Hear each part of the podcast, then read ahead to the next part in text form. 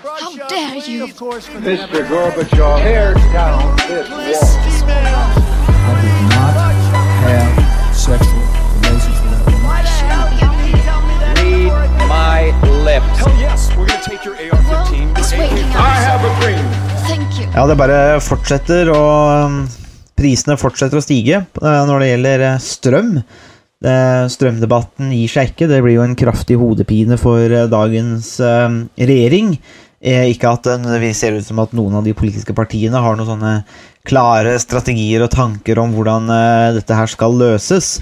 Og strømdebatten, som er så kompleks og vanskelig, den har vi tenkt å um, hoppe inn igjen i dag med et litt annet perspektiv. Det er jo, som sagt, det er jo mange ulike perspektiver man kan bruke her, og um, det er jo igjen et komplekst tema. Men um, strøm som en del av noe større, det er egentlig det som er temaet i dagens uh, uh podkast. Uh, fordi det er jo gode penger å tjene på dette. Jeg ser i dag at eh, Avisa Hallingdølen melder også at en av de store kraftproduserende kommunene da, i Hallingdal, Hol kommune, tjener rundt 200 millioner på høy strømpris.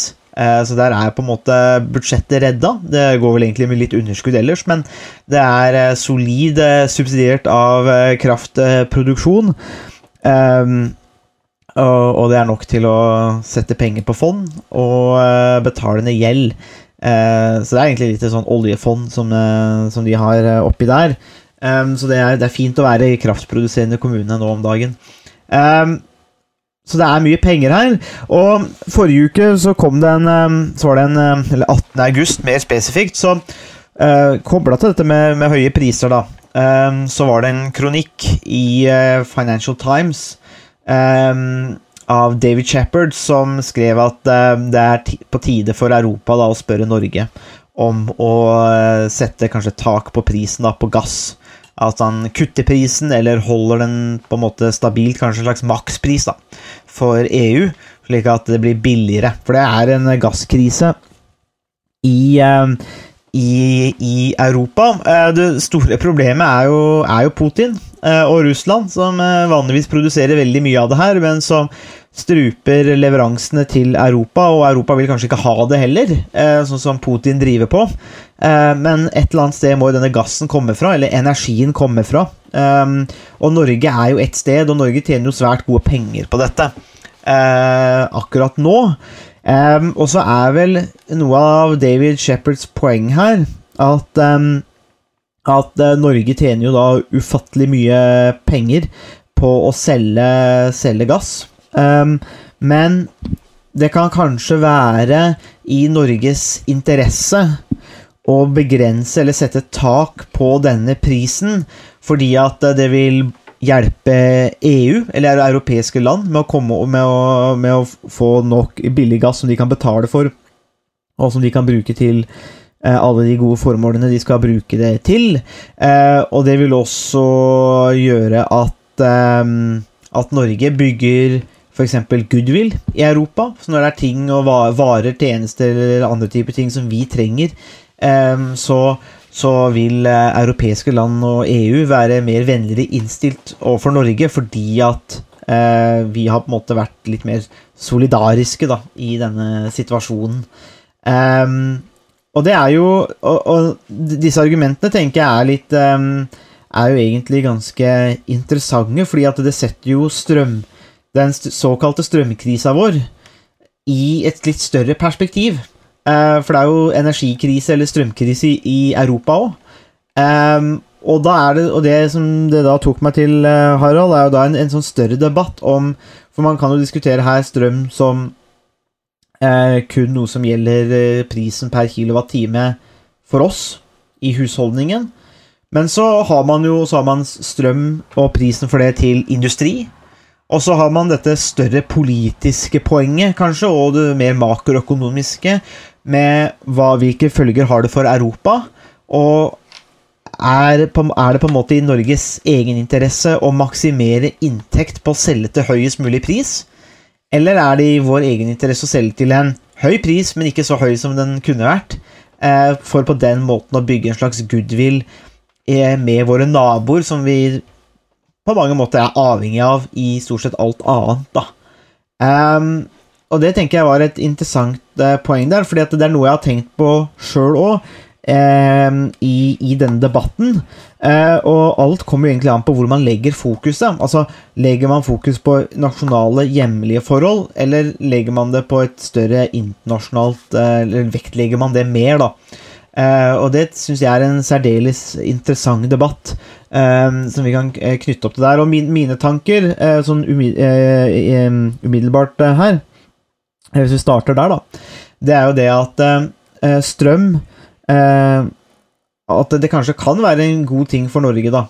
Å faktisk være litt mer solidariske, eller kanskje det er i vår egen interesse å selge gassen noe billigere eh, til Europa, f.eks. Eh, rett og slett fordi at eh, i, i, i det større internasjonale forhold så står vi med Russland på én side, som er krigersk og ganske ustabilt. Du har Kina som en dominerende finansiell eh, aktør, og du har USA på andre siden, som er en slags alliert, men de er jo amerikanere, og det vet vi hva det betyr. Det er jo business first, eh, og i hvert fall America first når det kommer til de tingene der. De er ikke ute til å hjelpe Norge eller andre land fordi at det, det, de er snille. De vil jo tjene penger, de òg. Eh, og midt, i midt imellom her så står jo Norge og Europa. Eh, og jeg har i hvert fall Jeg tenker jo at kanskje, kanskje det har noe for seg, da, dette perspektivet til Shepherd her, hvis vi, og hvis vi utleder litt videre, at eh, kanskje eh, Kanskje det er noe i dette at Norge kan bruke gassprisen her litt mer Eller gassen, da, litt mer solidarisk i Europa, og på den måte styrke Europa i kampen mot andre store internasjonale aktører. Men hva du tenker om den inngangen der, Harald? Eh, jeg kunne ikke vært mer eh, uenig, tror jeg. Eh, jeg, jeg, jeg tenker egentlig det motsatte. Norske politikere, norsk politikk, skal fremme norske interesser, først og fremst. Det er ingen andre i verden som fremmer norske interesser og norsk politikk. Og det er Norges oppgave å fremme sine egne interesser. Og i, i den forbindelse så tror jeg det vil være fornuftig eh, og eh, best i Norges interesser eh, å eh, selge gassen for det markedet eh, er villig til å betale for, eh, for gassen.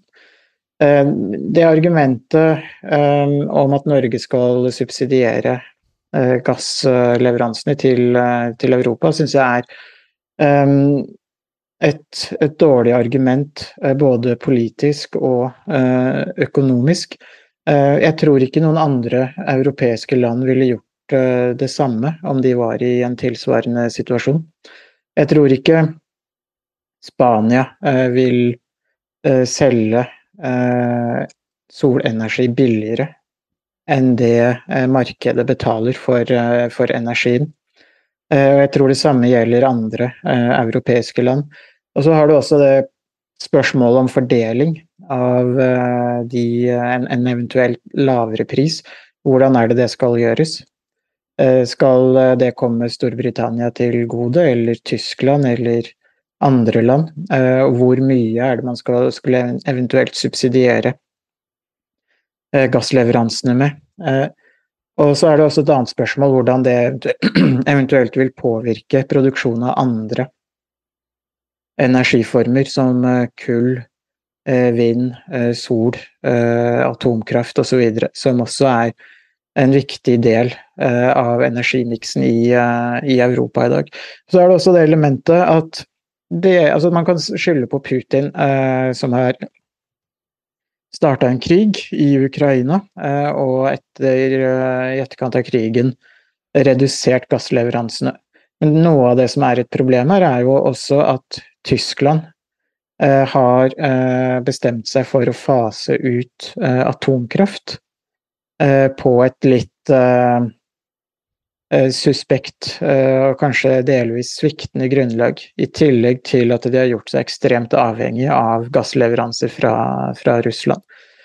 Eh, og jeg tror ikke det er Norge sin oppgave eh, å redde eh, et land som eh, Tyskland, Europas eh, største økonomi, eh, fordi at Tyskland eh, har eh, ført en, eh, en dårlig energipolitikk eh, det siste tiåret. Etter Eh, etter eh, tsunamien på Fukushima kraftverk i Japan i 2011, så ble det raskt bestemt i Tyskland at man skulle fase ut atomkraft. Og det gjør man i løpet av, av høsten, med mindre de, man i Tyskland forsøker å forlenge levetiden på de siste atomkraftverkene. Mm. Eh, og alternativet man endte opp med da man skulle fase ut atomkraft, eh, det var å bygge opp delvis eh, solenergi og vindkraft. Men det tar tid, og det er også relativt dyr energiproduksjon Mm. i forhold til, til andre alternativer. Mm. Så gass ble jo da det foretrukne alternativet. Eh, og det fungerte lenge eh, greit, eh, når, så lenge Russland var et mer hadde en, førte en mer normal utenrikspolitikk. Eh, Mm. men jeg kan vanskelig se for meg at eh, det er i Norges interesse å støtte Å på en måte rydde opp i Tyskland sin, sin energipolitikk. Eh, eksempel da eh, Hellas eh, var i en ganske vanskelig økonomisk situasjon for en en ti-tolv år siden. Eh, Så eh, var det jo ikke sånn at, eh, at Tyskland eh, subsidierte i veldig stor grad eh, Hellas. Eh, Og det var jo gnisninger mellom Hellas og Tyskland i hvordan eh, man rydda opp i eh, den greske finanstragedien. Eh, og samme, noen av de samme argumentene har jo også kommet fram uh, nå i, i sommer, når EU har diskutert i hvilken grad man skal rasjonere eller uh, spare energi. Hvor Spania eh, har, eh, og andre søreuropeiske land har uttrykt misnøye med å måtte spare eh, og redusere sitt forbruk fordi at Tyskland har ført en uh, energipolitikk som har gjort at de har blitt uh, sårbare. Mm. Så derfor tror jeg det vil være eh, dumt både for Norges interesser, men også for hvordan uh, samarbeidet i Europa fungerer. At Norge skal subsidiere gassproduksjon.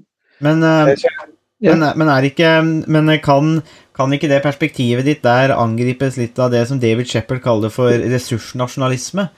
At det, han ser på det som en eh, eh, Han påpeker det, eller utpeker det som en trussel da, i Europa, at vi faller i denne ressursnasjonalismefella, ja, um, og at det er ting som vil gagne Putin, uh, men også kanskje det kinesiske regimet, uh, i kamp med på en måte europeiske bedrifter og europeisk økonomi, men nå da særlig, særlig, eh, særlig Putin. Så han advarer mot denne, det, det han kaller denne ressursnasjonalismen, og, og, og viser også til eh, hvordan eh, norsk utvikling på f.eks. hydrogenfeltet eller havvind også er avhengig av europeiske partnere.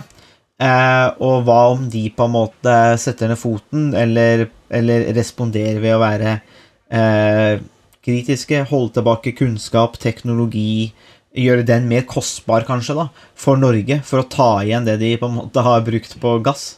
Så må de ta igjen på andre elementer.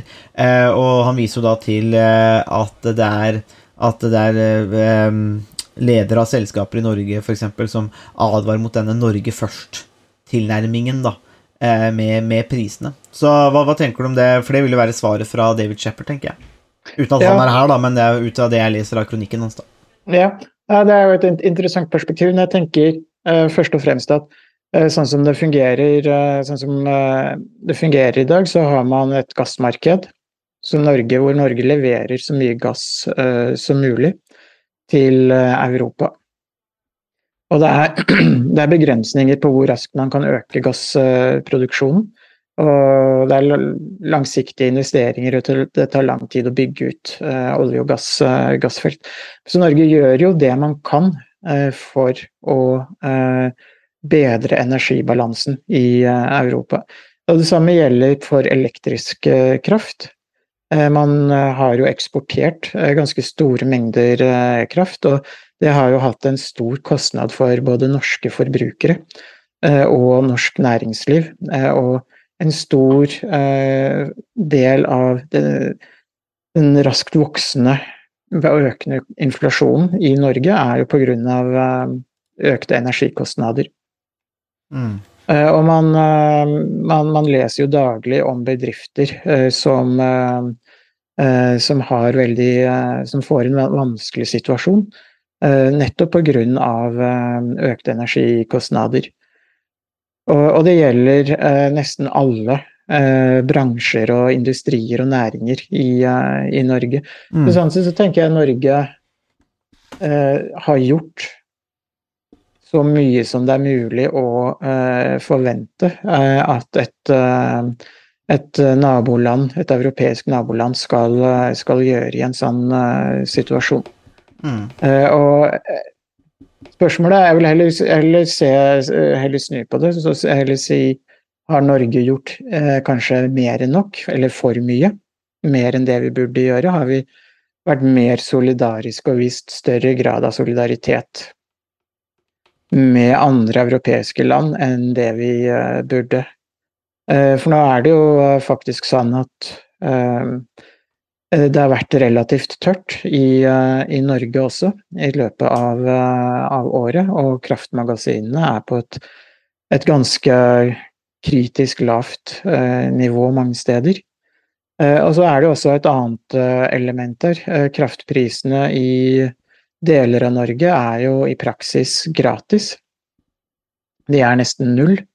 Og så har vi svært høye priser i, mm. i Sør-Norge.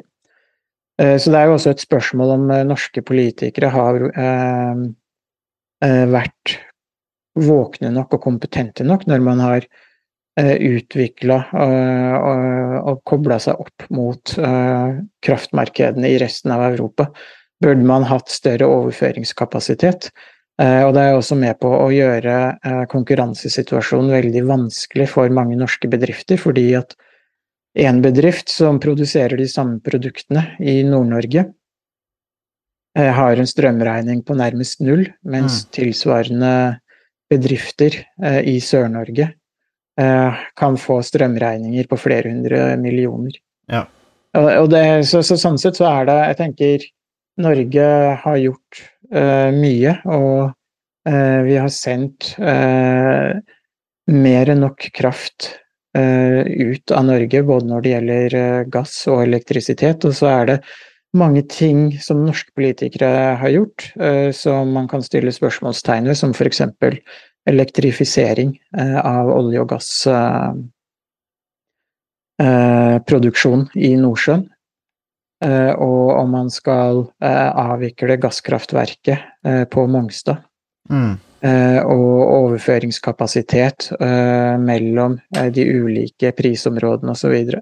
mm. så det er, en, det er en lang rekke faktorer her som, som gjør det mer komplisert.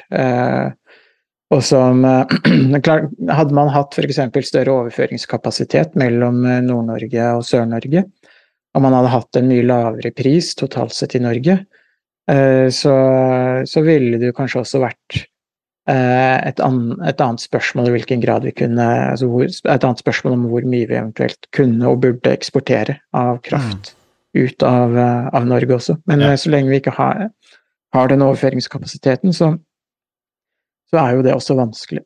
Ja, det er jo et, er et godt poeng at vi, vi, er jo ikke én en enhet i Norge heller. Altså, det gjør jo denne, straff, denne kraftdiskusjonen litt vanskeligere òg. Hadde vi vært én en enhet med én pris i hele landet, så hadde det vært litt enklere å forholde seg til på én måte òg, men den varierer jo så veldig.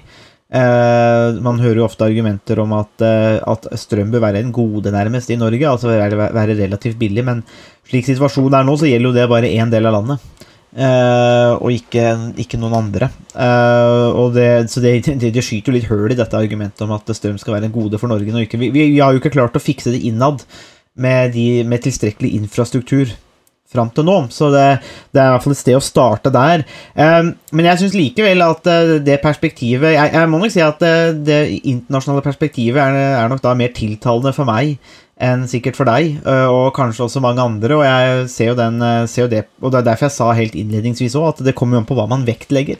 Øh, og jeg tror kanskje, jeg tror kanskje det er det mer det internasjonale fokuset som jeg i hvert fall har hatt i mine studier og, og utdanning. eh, som sikkert former meg i den forstand at, eh, at eh, for meg fremstår det jo tydelig at Europa og EU som enhet, og jeg har jo sagt det før òg, at eh, jeg tror jo at i sum så er jo EU kanskje det beste verktøyet vi har i, i Europa, i hvert fall, for å løse kollektive problemer. Og det kan jo være pandemier, strømkriser, forsyningssikkerhet, alt mulig. Eh, og da er du også avhengig av at, den, at det verktøyet eller den enheten er sterk nok til å tåle det.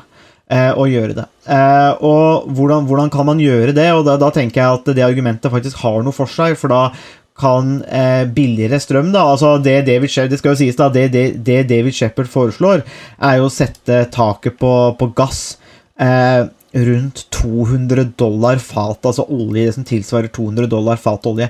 Og det er altså veldig veldig mye høyere enn det Norge vanligvis får inn via markedet. Det er bare at nå er det ekstreme priser, så det er ikke, det er ikke snakk om å gi bort eh, gass og olje her eh, av den grunn. Altså, det, er snakk, det, er snakk, om å bare, det er snakk om å bare sette en makspris som er mange ganger høyere enn det som vanligvis er normalt. Så det er, vil jo fortsatt være god inntekt til Norge. Eh, men det, det, det, som jeg uansett sitter og kverner på, og det som Og det er klart, igjen, da, her kan det godt hende jeg tar feil, og at mitt perspektiv er feil, men det er bare det at man skal løse disse kollektive problemene som man står overfor, og man vet at man blir pressa både av USA, altså selv om det er på en måte vår alliert, så blir du uansett pressa businessmessig av, av, mange aktører der. Du har Russland, som er en slags um, schizofren gærning der nå, et sånn enmannsvelde. Og så har man Kina, som uh, også på mange måter er en risikofaktor på mange ulike måter. Eh, og i hvert fall en trussel mot, uh, mot, mye av det som skjer i Europa, hvis du tenker industrimessig, arbeidsplassmessig, økonomisk.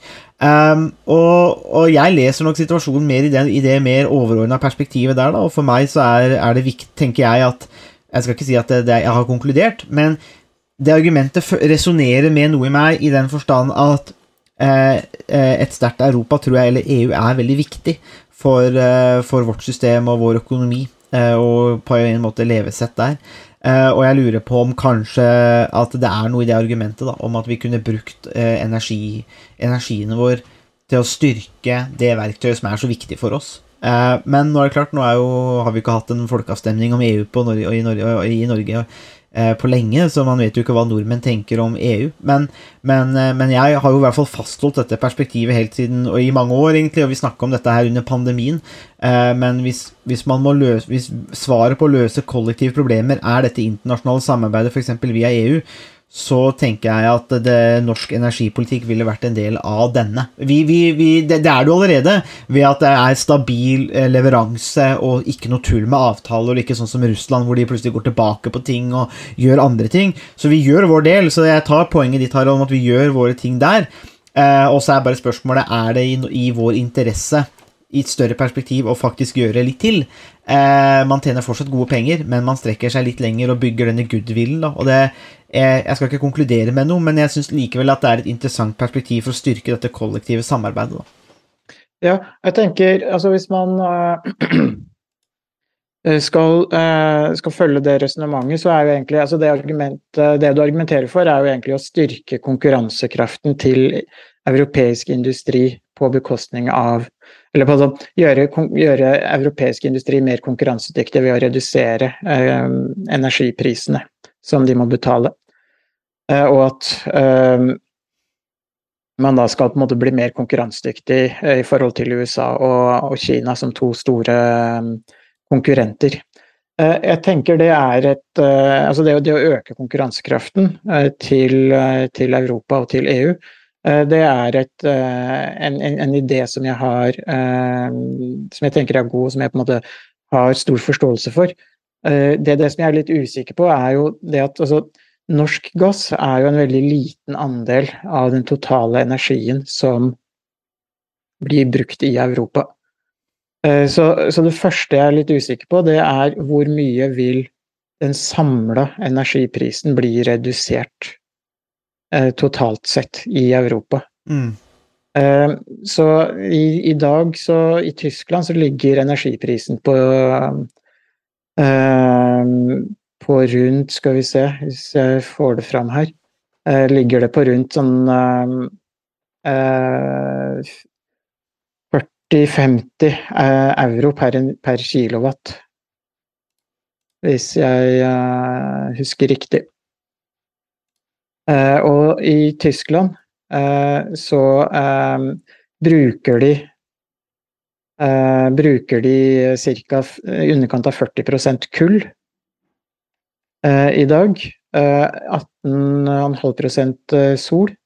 eh, 14 gass. 10 eh, vind. eh, 8% biomasse og 7 eh, fra atomkraftverk. Så eh, Gass utgjør i dag eh, en ganske liten andel av eh, den gassen som Tyskland, eh, som Tyskland bruker. Jeg er usikker på hvor mye eh, en reduksjon i den norske gassprisen vil påvirke.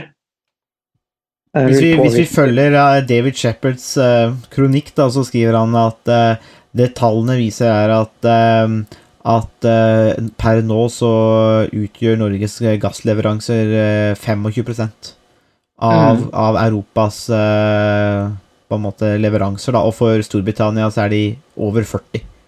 Ja. Så samla sett så er det jo, det er, det er jo, det er jo ikke ikke-betydelig. Nei, altså det er, det er 25% av gass, er det ikke det? Um, ja. Eh, Så, og så er jo da gass i Tyskland f.eks. i dag eh, nå eh, rundt eh, 14 Mm. Eh, Så sånn sett så er det en ganske liten andel av den samla energien som blir brukt i Europa. Så derfor er jeg usikker på om det vil ha en Om det vil påvirke prisen nevneverdig. Mm. Jeg er usikker på om norsk gass er på en måte pris vil, vil påvirke prisen og er prisdrivende. Mm. Men gass er jo en side av saken, og det er jo Men igjen, da, det her er jo egentlig veldig vanskelig, for det, det, blir jo, det blir jo på en måte hypoteser, egentlig, og, Mm. og en annen ting som du nevner òg, det er jo det at eh, Og det, det, det kan jo fort være, da, at det argumentet som jeg jeg sier jo ikke at eh, Og igjen, da, altså det, er viktig å få med. Vi utforsker jo ideer i denne podkasten. Det er jo ikke sånn at dette er konklusjonen, og dette er min mening, basta. Eh, men det argumentet som jeg la fram nå, da, med dette samarbeidet, så, så kan jo det støte på det som du sa, Harald, da, at det er jo ikke dermed gitt at andre land eh, svarer med samme mynt tilbake. Det kan jo hende at de bare Å ja, tusen takk for den eh, litt billigere gassen.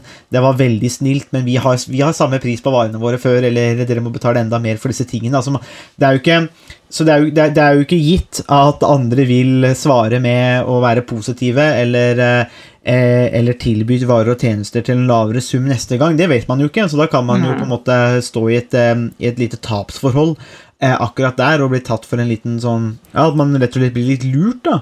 Det, det Ja. kan jo hende. Men så er det det siste, da. Er det, er det at, men hvis alle tenker sånn, så har man jo en slags allmenningens tragedie i Europa. Altså da, Hvis alle tenker på seg sjøl, så får vi ikke løst disse kollektive problemene, og da er spørsmålet hvordan kan vi løse disse kollektive problemene. Eh, og Da tenker jeg ikke bare på økonomisk kamp mot andre stormakter, f.eks., men da tenker jeg kollektivt problemer større, da. Hvis måte man bare skal bli fanga litt av seg sjøl der. Hva gjør man da? Ja, jeg tenker det, er to viktige poenger. Det ene er det siste du er inne på med allmenningens eh, tragedie. For hvis alle tenker på seg, så blir, kan alle bli eh, tapere kollektivt sett. Og det andre er poenget om å øke eller styrke Europas eh, konkurransekraft. Eh, og altså det, det argumentet til David Shepherd om å, at Norge skal eh, redusere prisen på gass, det kunne vært et aktuelt eh, tiltak dersom man eh, hadde en samla plan eh, for hvordan man skulle utvikle Mm. og styrke Europas konkurransekraft. Og hvor man gjennom EU hadde forhandlinger om hva de ulike partene, de ulike landene, skulle bidra med. Mm. Eh, og da, hvis man da hadde en samla plan uh, hvor eh, man, man forsøkte å styrke Europas uh, konkurransekraft samla sett ved å redusere energikostnadene, bygge ut uh, ulike typer kraft osv., så, så, hadde, så hadde man vært i en helt annen situasjon, og da ville også Norge gjennom de forhandlingene eh, kunne eh, komme med krav eh, og forsikringer som gjorde Eller og kreve forsikringer som, som gjorde at man eh, ville også få noe igjen for å red eventuelt redusere gassprisene i en, i en periode. Mm. Eh, Men så lenge det ikke er til stede, så er det også vanskelig å se for seg at et ensidig tiltak fra norsk side om å redusere gassprisene, eller strømprisene for den saks skyld, eh, har noe vil, vil være et eh, vil være et, eh, et forslag som har um, som, som tjener både Norge og Europa. Mm. Men jeg, jeg tenker det så skal Europa komme gjennom eh, den situasjonen man er i nå, så, så krever det jo kollektiv eh, handling og et, eh, et samarbeid. Eh, og det som er problemet i Europa i dag, er at vi ikke har politiske ledere som, eh, som tar til orde for den type eh, samarbeid, eh, og som ser det litt sånn større perspektivet om å styrke Europas konkurransekraft. Både på kort sikt og lengre sikt. Mm. Eh, Det ville jo vært naturlig eh, at Tyskland tok, som den største økonomien i EU, eh, hadde tatt det ansvaret. Men eh, eh, man, man har ikke sett noen eh, initiativ derfra som har gått i den retningen i det hele tatt. Og det samme gjelder ved andre store land som Frankrike, Spania, eh, Italia eh, Mm. også. Så i denne situasjonen så er det et, det er et, lede, det er et politisk eh, vakuum, eh, maktvakuum, som ingen har, eh, har tatt.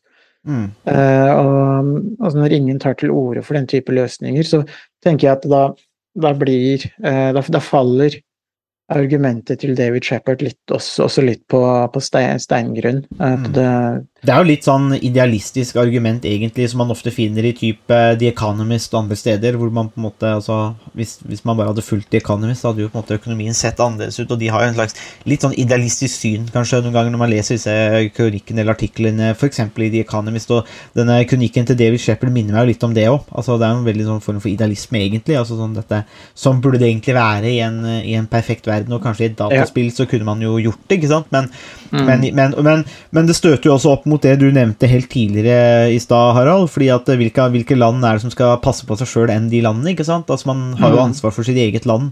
Uh, all, den tid vi har, vi, vi har det statssystemet vi har, uh, og det er bygd opp på den måten, og det er jo både fordel og ulempe med det, men all den tid man har det, og så opererer man jo uansett innenfor disse rammene. Eh, Og grensene. Og da, har man, da står man jo til, til ansvar da, overfor velgere for eksempel, og, og andre da, med å, å, å sikre sin egen land. og da da, da, da ser man jo Det er jo lett å se der hvordan, hvor, hvorfor fokuset da på en måte da rettes mot det man kan gjøre sjøl, og passe på seg sjøl, eh, og ikke nødvendigvis dette større perspektivet. Og det er jeg jo, er jo enig og det er jo litt sånn Uh, uh, interessant uh, altså Den debatten her har jeg stadig vekk med, med min kjære kone, som da er politiker, og da i et parti som ikke er veldig glad i EU. Og vi har den diskusjonen her stadig vekk. Og jeg kommer ikke klar, fram til noe klart svar på det heller, fordi at det kan hende at den, den, den posisjonen som jeg har argumentert for i podkast nå, er for krevende. Altså den er for idealistisk òg, at det blir på en måte litt sånn akademisk drømmetenkning om hva om Europa står samla sammen og vi utnytter våre fordeler osv. i dette systemet, um, i det internasjonale systemet, så gagner det på en måte Europa og EU mest. Da. Det, det betyr også at Norge må inn i EU, da, men det er en annen sak. Men, men, men det er mange andre faktorer her ikke sant, som, som, som, uh, som spiller inn. Man er jo ikke sikker på at andre europeiske land vil vil da eh, gjengjelde dette på denne måten, og man er jo ikke sikker av noen av disse tingene. og da, der, Dermed så er jeg jo eh, også åpen for at slik som, eller det synet som David Shepherd har, men også som jeg også har forfekta litt i den podkasten her, i hvert fall det perspektivet, da. Det kan jo sikkert eh, angripes for å kanskje være urealistisk til en viss grad, eller idealistisk. Men så er det noe med dette med eh, den, denne kollektive Jeg kommer tilbake til det, og det er det grunnleggende. Og det er, dette er jo det store statsvitenskapelige poenget i diskusjonen vår. Og det er jo det at vi har kollektive utfordringer. Vi står sammen om ting, og de må løses på en eller annen måte. Og det er jo spørsmålet løses det best ved å tenke på seg sjøl først, og så eh, hjelpe andre der vi kan hjelpe andre? Eller fordrer det et litt annet syn på politikken? Om hvordan vi driver ting, og hvordan vi tenker økonomisk og politisk på, måte på større områder. og det, det er jo et mye større poeng som, jeg, som ikke vi har tid til å Altså, Vi får jo ikke svar på det, Harald. altså Det er jo, er jo et veldig vanskelig sak, egentlig. Men, men det er jo det overordna statsvitenskapelige poenget her, som vi uansett kommer tilbake til. Hvordan løser man disse kollektive problemene? For det er jo et kollektivt problem. For det er jo ikke bare Norge som står i strømkrise. Det er jo mange flere. Ja, strøm- eller energisituasjonen i Europa er jo, eh, det er jo et, eh, en kollektiv utfordring som eh, alle europeiske land står, står ovenfor. Og jeg, jeg tenker altså jeg, jeg, er helt jeg, jeg tenker vi er helt på linje når det gjelder at samarbeid mellom Et forpliktende samarbeid, europeisk samarbeid, ofte vil være et, et, godt utgangspunkt for å skape eh, en, eh, en, mer konkurransedyktig eh, økonomisk situasjon i Europa, inkludert Norge, og at gjennom forhandlinger mellom de ulike landene i EU, så vil det antagelig kunne være mulig å finne løsninger som gjør at alle kommer bedre ut av det. At man rett og slett finner vinn-vinn-situasjoner, og at man gjennom gjensidig nytte klarer å utvikle løsninger som er eh, til, til alles beste. Mm.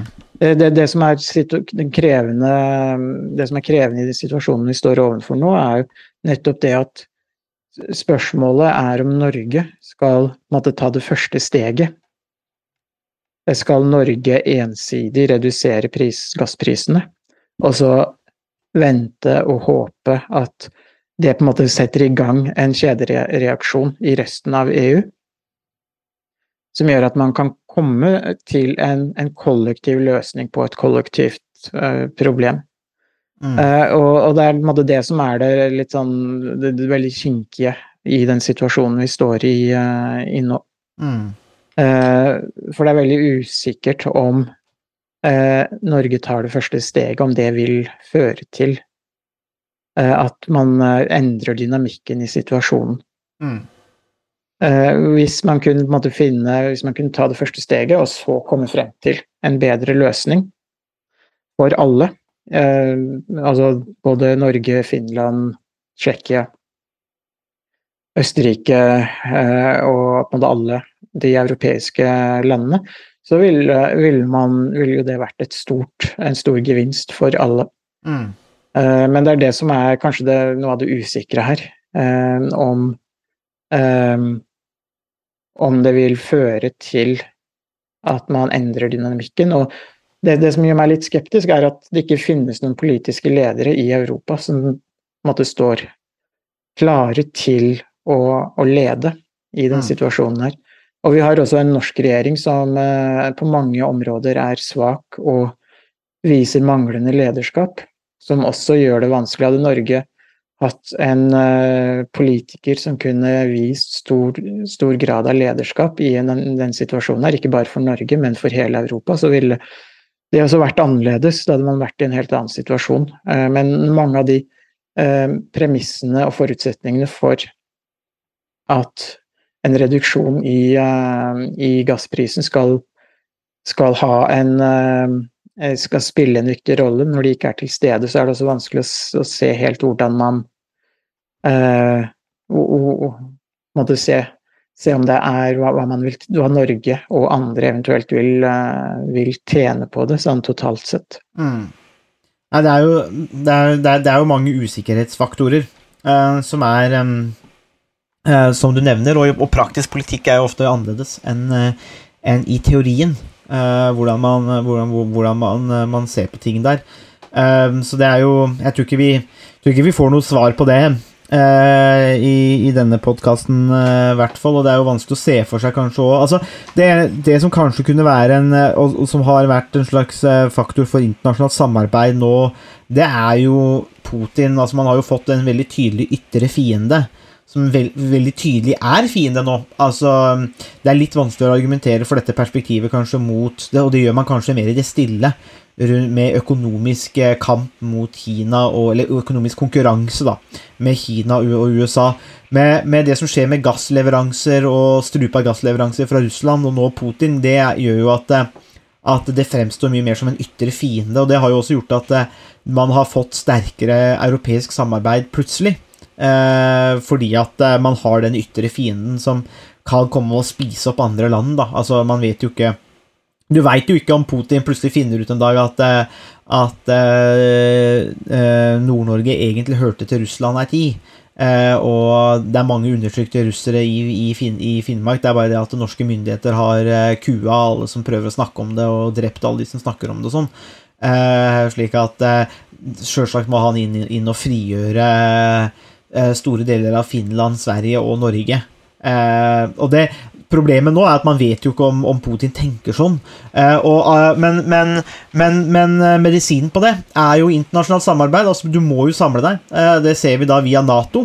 Eh, det er jo det ene, det er jo det åpenbare svaret, det som er svaret på det. Eh, men Nato gjør jo ikke så fryktelig mye annet enn å, enn å koste fryktelig mye penger for å potensielt forsvare seg.